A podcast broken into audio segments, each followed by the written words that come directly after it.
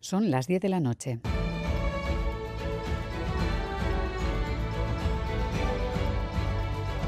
Radio Euskadi y Radio Vitoria. Servicios informativos.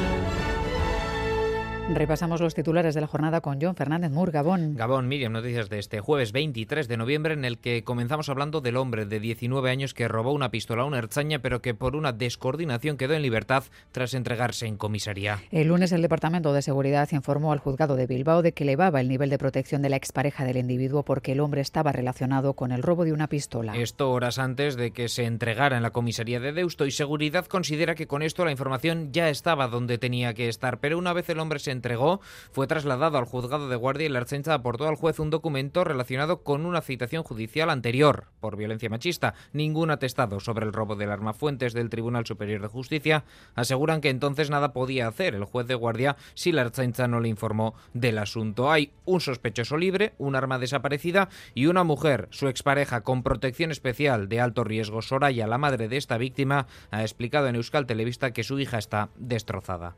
Mi hija está destrozada, acabo de hablar con ella. eh, está destrozada, está, bueno, pues mal, porque date cuenta que es que parece que ella es la, la culpable. Retenida, parece que está retenida, ¿me entiendes lo que te quiero decir?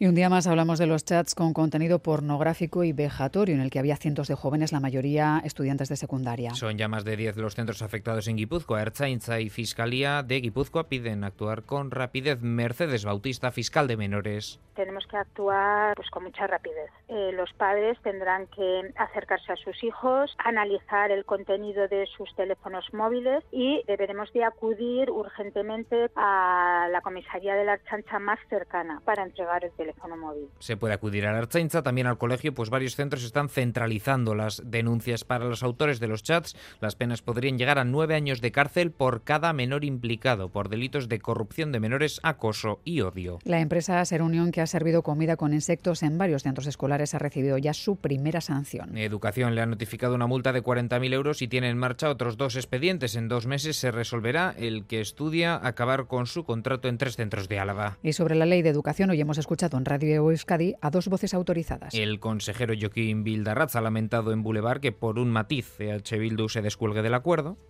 vuelvo a decir, un matiz en una frase de una exposición de motivos que no está ni en el articulado.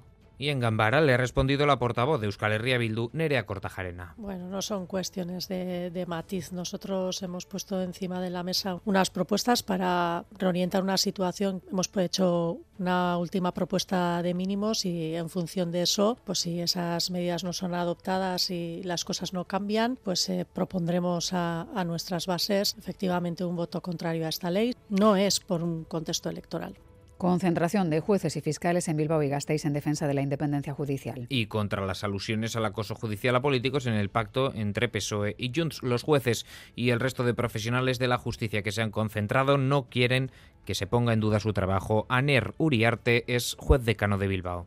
Lo que nosotros negamos es que se pueda justificar una amnistía en base a que algo ha funcionado mal o que ha habido una persecución judicial. La ley de amnistía tendrá unos motivos políticos en los que nosotros no, no entramos. Y Países Bajos vira la ultraderecha. El Partido de la Libertad ha logrado 37 de los 150 escaños en las elecciones, victoria del discurso anti-inmigración, islamófobo y euroescéptico de Gert Wilders.